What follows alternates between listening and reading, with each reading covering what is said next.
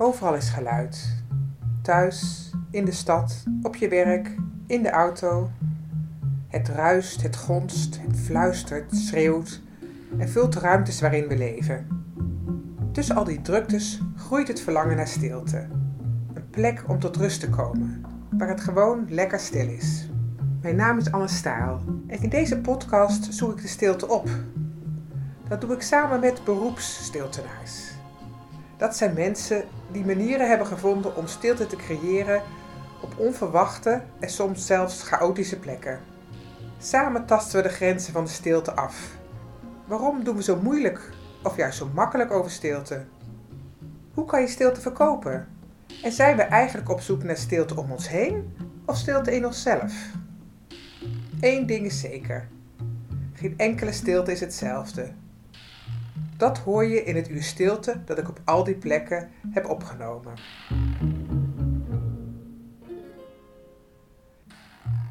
In de drukke Randstad, vlak bij Delft en Pijnakker, ligt een gebied waar het stil is.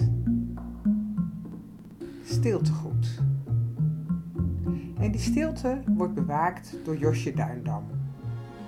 Zij heeft een gebied van 10 hectare gekocht van de provincie Zuid-Holland. Wat drijft haar om dat te doen? Hoe bewaakt ze de stilte? En wat gaat er in de toekomst gebeuren met dit gebied? Josje vertelt er vol vuur over. En ik laat haar graag aan het woord om te vertellen waar het gebied precies is en hoe het eruit ziet. Uh, nou, we zijn nu op Stiltegoed en uh, dat is een uh, gebied van 10 hectare midden in de Bieslandse polder. En de Bieslandse polder ligt uh, tussen Pijnakenodel, Den Haag en Delft ingeklemd. Dus een heel mooi stuk natuur, wijdheid en een deel met bomen. Ja, eigenlijk vlak bij de stad. En uh, wat in dienst staat van, uh, van de stilte, van, van de rust in jezelf. Dus ehm, ja, dat de natuur eigenlijk ja, mag helpen om de rust in jezelf te vinden. Dat is eigenlijk wat hier het doel is. Ja. Van, van stiltegoed. Ja. Het is, het is wel grappig, je gaat een soort drempel over die er niet is. Nee, maar je stapt een gebied in, dat is het bedoeling. En, en hoe lang heb je dit al? Ik geloof in eind 2016 heeft de provincie voor dit plan gekozen. En dat ik in 2017 halverwege begonnen ben met uh, inrichten. Dus zo'n drie jaar, zo'n drie jaar ben ik hier bezig. Ja, ja, ja. ja. Maar, maar dat, dat, dat heb je wel heel, klinkt heel makkelijk. Van nou, de provincie had het bedacht en toen. Maar hoe ging dat? Want volgens lijkt me niet zo makkelijk. Nee, nee, nee de provincie had het uh, eigenlijk op de markt gezet als een pilotproject. En die vroeg aan de markt of hier een plan voor geschreven zou kunnen worden. Mm -hmm. En uh, ja, ik heb in mijn verleden al heel veel met stilte te maken gehad. En ook met retraites. En in mijn werk kom ik heel veel mensen tegen waar het uh, niveau toch heel erg snel ligt. Of waar het tempo heel erg hoog ligt. Dus er, er zat altijd al in mijn systeem, er moet iets van een stiltegebiedje komen hier in dit gebied. Dus ik was een keer ergens anders bezig geweest, dat lukte helemaal niet. En uh, toen kwam ineens mij te oren dat er 10 hectare, uh, dat er voor 10 hectare een plan geschreven moest worden. En toen dacht ik van nou, het is nu of nooit. En dat ging eigenlijk heel vanzelf, want ja, de, de, ik kreeg gewoon van alle kanten hulp. En binnen, binnen een paar weken hadden wij een plan geschreven, ingediend. En met het idee van nou, we zien wel. En men koos mij. Of men koos dit plan. Men koos dit plan, ja. Dus, uh, en, weet je waarom? Nou, ik denk wel dat het een plan is wat past bij deze tijd. Um, wij zijn de kerk een beetje voorbij. Dus een hele grote groep mensen is de kerk voorbij. Maar hij heeft wel behoefte om contact, of met zichzelf, of met het hoger, of hoe je het ook maar noemen wil, uh, uh, te maken. En is zoekende naar een vorm is zoekende naar een vorm. En daarom zie je dat de yogascholen hard gaan en uh, mantras in allerlei vormen die, die worden beter bezocht als vroeger. En ja, ik wilde eigenlijk een plek maken, onafhankelijk van welke vorm dan ook, maar dat jij uh, ja, de mogelijkheid krijgt om te verstillen. In een gebied waar, waar men niet uh, om je heen loopt te rennen, waar geen gillende kinderen zijn, waar, waar gewoon iedereen een beetje de stilte zoekt. Maar even, uh, zo meteen wil ik nog meer weten over jouw drijfveer. Maar ik ben dan ook eventjes ook wel benieuwd waarom de provincie Zuid-Holland dat dan interessant vindt. Nou, misschien omdat de tijd er rijk voor is. Dat dit natuurlijk een hele alternatieve, goedkope, voor handen liggende manier is om je eigen rust te pakken. Ja, en, en kan je nog iets meer vertellen over het plan? Het is een openluchtklooster, een waarheidsvrij openluchtklooster. Zo noem ik het. En het waarheidsvrije zit er natuurlijk in dat iedereen op zijn eigen manier uh, zijn verbindingen zoekt en maakt. En dat het allemaal even waardevol is. Dat er niet één beter is als de ander. En dat dit gebied um, gecontinueerd wordt en bezield wordt door een stiltecentrum. Dat is in het oorspronkelijke plan, was dat eigenlijk de basis dat het over 100 jaar nog mag bestaan. En als ik dan uh, mijn ogen dicht doe en een beetje droom in de verte, dan zit ik op een wolk, nou een grapje. Maar dan kijk ik ooit eens naar beneden en dan is, is het hier nog meer verstedelijkt. En dan is dit gebiedje nog steeds wat het is. En dan lopen hier mensen in en uit om even op een stoeltje te gaan zitten, om even in het gras te gaan liggen. Om de zon even onder te zien gaan, in stilte, in rust. Niet hardlopend. Gewoon zijn met wat er is. En uh, dat het gewoon in de eeuwigheid mag duren. Dat zou, dat zou voor mij het leukste zijn. En, en dat mag in de vorm misschien iets veranderen, maar dat het doel van verstilling, ja, hier mag, uh, mag blijven. En dat, en dat is dan verstilling dus, dus buiten en in het centrum? In het centrum, dat, uh, dat wordt eigenlijk. Um, de dat, dat is nodig om het gebied echt te bezielen. Je zit hier in een heel verstedelijkt gebied, dus uh, ja, het is een hele mooie plek. Dus uh, om hier lekker te gaan hardlopen en te gaan barbecuen en naar muziekje te gaan luisteren. Ja, dat vinden mensen natuurlijk ook heel fijn, maar dat is natuurlijk niet de bedoeling hier. En door, uh, het cent, doordat in het centrum allemaal verschillende activiteiten plaatsvinden, neem je de mensen ook mee in dit gebied om ook te verstillen. Maar het heeft ook wel degelijk een circulair verdienmodel, waardoor dit gebied onafhankelijk kan blijven bestaan. In onderhoud, in, in, uh, in beheer en in. Uh, en um, dus de bedoeling is eigenlijk dat er retraites of ja, aan stilte gerelateerde activiteiten, dus dat kan ook yoga, mindfulness, uh, activiteiten plaatsvinden. Daar wordt ook gewoon voor betaald en dat zorgt dat dit continueert. Als ik dan kijk, dan hoop ik eigenlijk dat uh, het bedrijfsleven ook in de gaten krijgt dat verstilling en stilte uh, een plek krijgt ja, in hun bedrijfsvoering, waardoor de mensen eigenlijk ja, stabieler worden. Dat men begrijpt dat stilte zo dienend kan zijn aan het individu, waardoor je in het bedrijfsleven of in processen uh, daar heel veel aan kan hebben als mensen daar uh, gebruik van maken. Ja, en dan maken ze gebruik van hun eigen stiltebron, is dat het? Ja, en mijn idee is dat, dat stilte hulp kan zijn om jezelf niet te verliezen in de hectiek van het arbeidsproces. En dat je dan trouwer kan, leert trouwer te zijn aan wat, jij, wat jou te doen staat en wat jouw kwaliteiten zijn. En als je vanuit dat kan werken, dat het, omdat het bedrijf heeft ontdekt dat retraites hulp is om mensen in balans te houden. Waardoor ze gewoon op de werkvloer ja, makkelijker en beter presteren. Dus ik heb het idee dat het heel erg bijdraagt aan deze tijd om een gezonde mind te houden. Ja. En ook daarmee, uh, je, je zegt van mensen worden dan productiever of, of eh, beter op hun werk, maar is het ook uh, uh, balans werk-privé? Ik denk dat je meer in contact komt met jezelf. Mm-hmm. Dat je gewoon werk kan integreren in wie je bent, waardoor het gewoon een manier van zijn wordt. En natuurlijk heb je privé-tijd en werktijd, maar dat daar het verschil eigenlijk een beetje in wegvalt.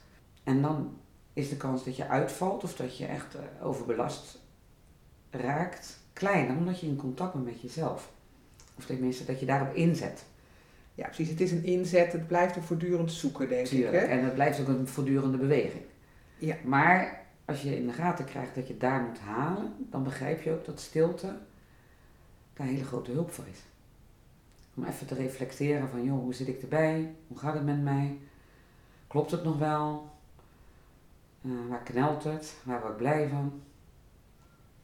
Heb je het gevoel dat dat mag, die stilte, in, in, in de zakenwereld, in het bedrijfsleven? We staan aan het begin. we staan aan het begin. Ik denk wel, eh, we zijn aan het begin en bepaalde bedrijven wel. En bepaalde bedrijven die weten helemaal niet waar het over gaat. Kijk, men moet het gewoon ontdekken. Men moet het ontdekken en de gêne moet er vanaf. En uh, ja, dus ja, ik, ik, denk, mijn gevoel zegt me dat het gewoon gaat gebeuren. En Ja, hoeveel tijd dat nodig heb, ja, dat weet ik niet. Maar het gaat wel gebeuren. En je ziet het al. Ik bedoel, in de privésfeer zie je het al. Uh, ik bedoel, er zitten heel veel mensen op yoga. Nou, die beginnen ook met meditatie, eindigen met meditatie. Er heel veel mensen mediteren. Uh, ja, ik denk op school is er ook al aandacht voor mindfulness. Dus we worden al meegenomen dat we ja, het contact met onszelf ja, niet moeten verliezen. Ja, dat is best een opdracht in deze tijd. Met alle prikkels die om ons heen zijn. Ja, en tegelijkertijd vond ik ook wel leuk dat je het woord Jenna gebruikt. Wat, wat, wat is dat eigenlijk, dat de mensen dat hebben bij stilte?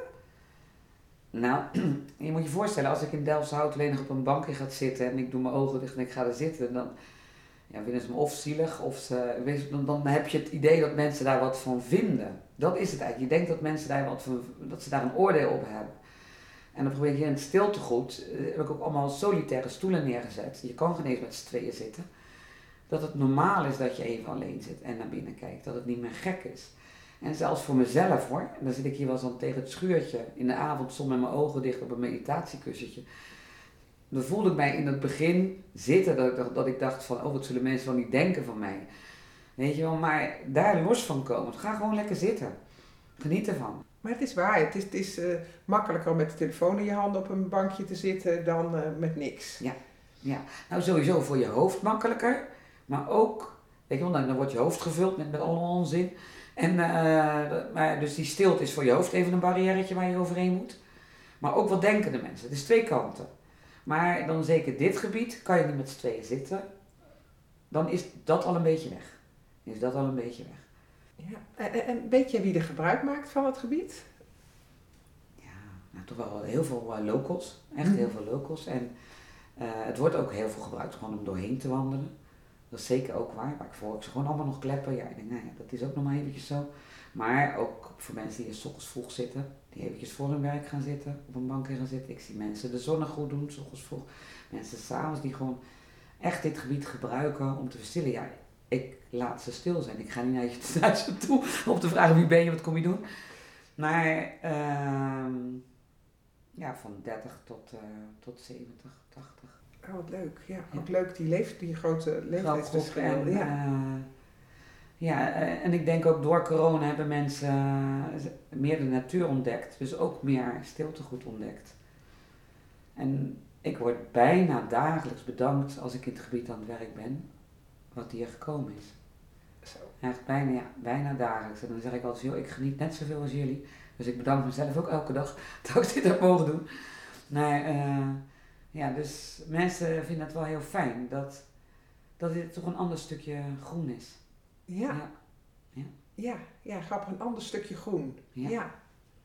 En, en um, ik was bij de uh, dus, dus de, de zusters. Um, en die hebben een paar jaar geleden een nieuw klooster gebouwd. En die zeiden, ja, het duurde wel een jaar voordat het ingebeden was. Uh, zo noemden ze dat. Hoe was dat hier? Heb je, had je ook het gevoel, god, dat kost tijd? Voor mij was het er meteen. Toen ik hier zo, het was natuurlijk best omstreden dit plan. Het is een agrarisch gebied. De, de locals hebben niet zo heel veel met stilte. Dat zijn boeren en buitenlui die denken, waar heb je het over? En, uh, maar toen ik dit plan ging maken, ben ik drie keer in het verste hoekje gaan liggen. Met mijn ogen dicht. En toen dacht ik wel van nou, als het ergens moet komen, moet het hier komen. Hiernaast heb je een eiland, waar ik je straks wel even mee naartoe nemen. En ik een cirkel gemaakt. En dat is ook een plek waar je niet doorheen loopt, maar waar je naartoe gaat en waar je gaat verblijven. En uh, ja, de, over, de stilte overvalt je daar. De energie overvalt je daar. Het is ook niet dat daar langslopende mensen lopen. Dus het is ook echt een stille plek.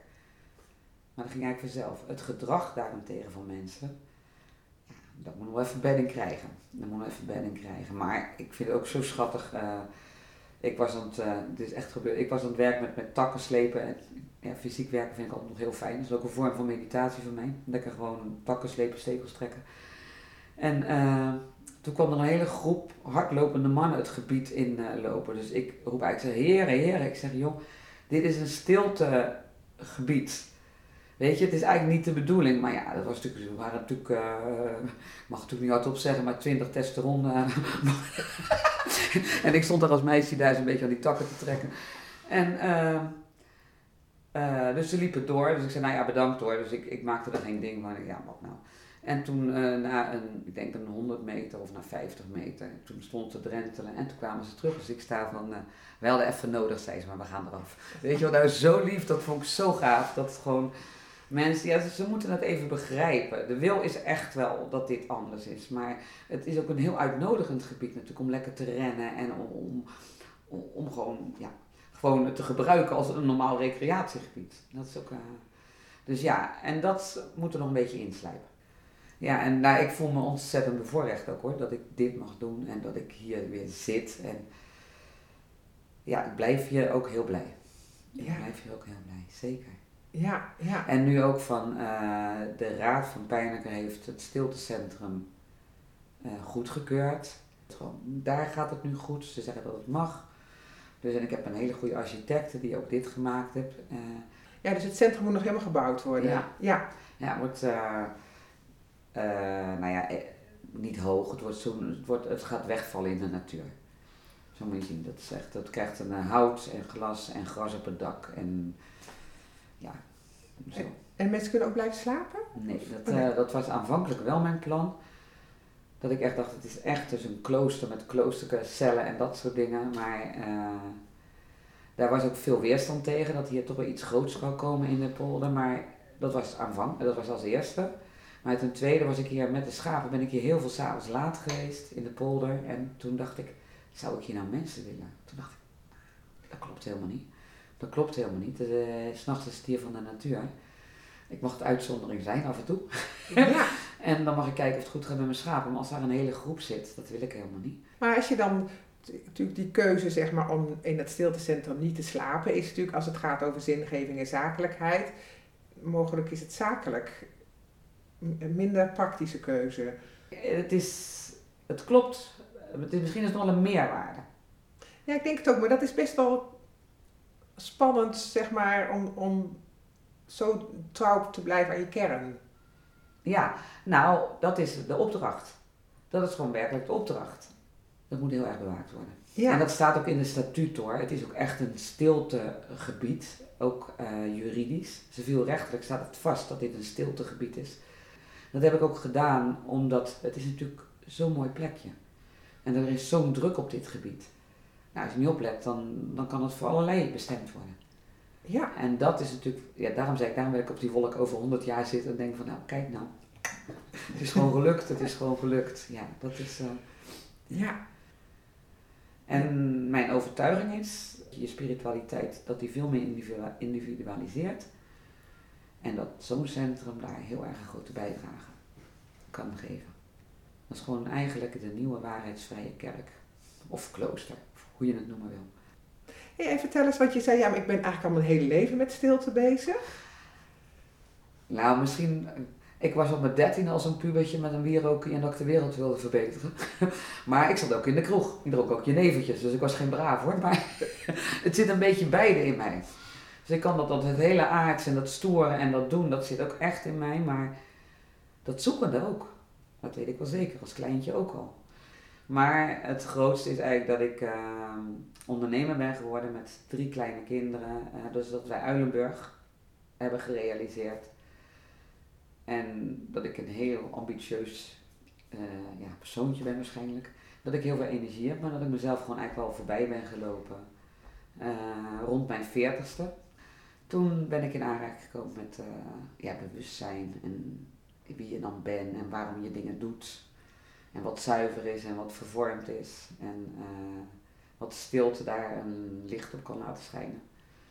Dus eigenlijk vanaf mijn 40 en ik ben nu 62, uh, pleeg ik onderhoud aan mezelf, zeg ik altijd. op allerlei manieren. En ik ben nog steeds ondernemer, ik werk nog steeds te hard. Ik moet mezelf nog steeds bij tijden terugfluiten. Maar dit kanaal, weet ik, dat leeft ook in mij. Het is mij en en. Ja, ja, ja wat mooi. Ja, ja, dat is ook wel heel herkenbaar voor mij. Dat die energie hebben en naar kroeg gaan, maar tegelijkertijd ook uh, stil kunnen zijn. Ja, en, uh, nodig ja. ook. Hè? Ook weten dat je verdwaalt als je te veel in die andere wereld. Ja.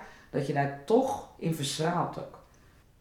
En als, als mensen nou uh, hier naar binnen gaan, ja, het lukt helemaal niet om stil te worden. Bedoel, Ze, ze zeggen dan wel niks, maar Nee, dat, ja, dat gebeurt mij ook. ja, Ja, dat, gebeurt, dat gebeurt mij ook heel regelmatig, dat dat, dat het hoofd zo stuitert. ja, dan is dat zo. Dan is dat zo. Dan komt er een ander moment dat wel lukt. Ja, je kan het niet dwingen. Ik hoop in de toekomst dat, eh, dat, dat het een plek is voor iedereen, dat mij echt niet uitmaakt. Wie of wat je bent, waar je vandaan komt, dat is helemaal niet relevant. Waar je toe uitgenodigd wordt is om vanuit jezelf te leven. En dat, je, dat deze plek een plek mag worden waar je in stilte en vrede met jezelf kan zijn. Er is geen beter of minder goed. Alles leeft in jou. Je bent niet goddelijk goed. Is allemaal goed. En dat deze plek voor jou mag zijn. Waar je, je uitgenodigd wordt om in blijdschap en in stilte met Fijn dat je geluisterd hebt naar de podcast met Josje Duimdam over haar prachtige natuurgebied Stiltegoed. Wil je de natuur zelf horen? Luister dan naar het uur stilte dat ik hier heb opgenomen. Heb je meer behoefte aan stilte? Er vallen nog veel meer unieke stiltes te beluisteren. Laat me je bijvoorbeeld meenemen naar de stilte van het vliegveld Schiphol of van een trappistenklooster of de stiltecoupé. Daarnaast vind je in deze podcast van Lekker Stil bijzondere verhalen over stiltelaboratoria, zoektochten, het ritme van stilte en de pracht van de ochtendstilte. Verrassend hoe stilte mensen kan verrijken. Je vindt het allemaal in deze podcast-app. Veel plezier!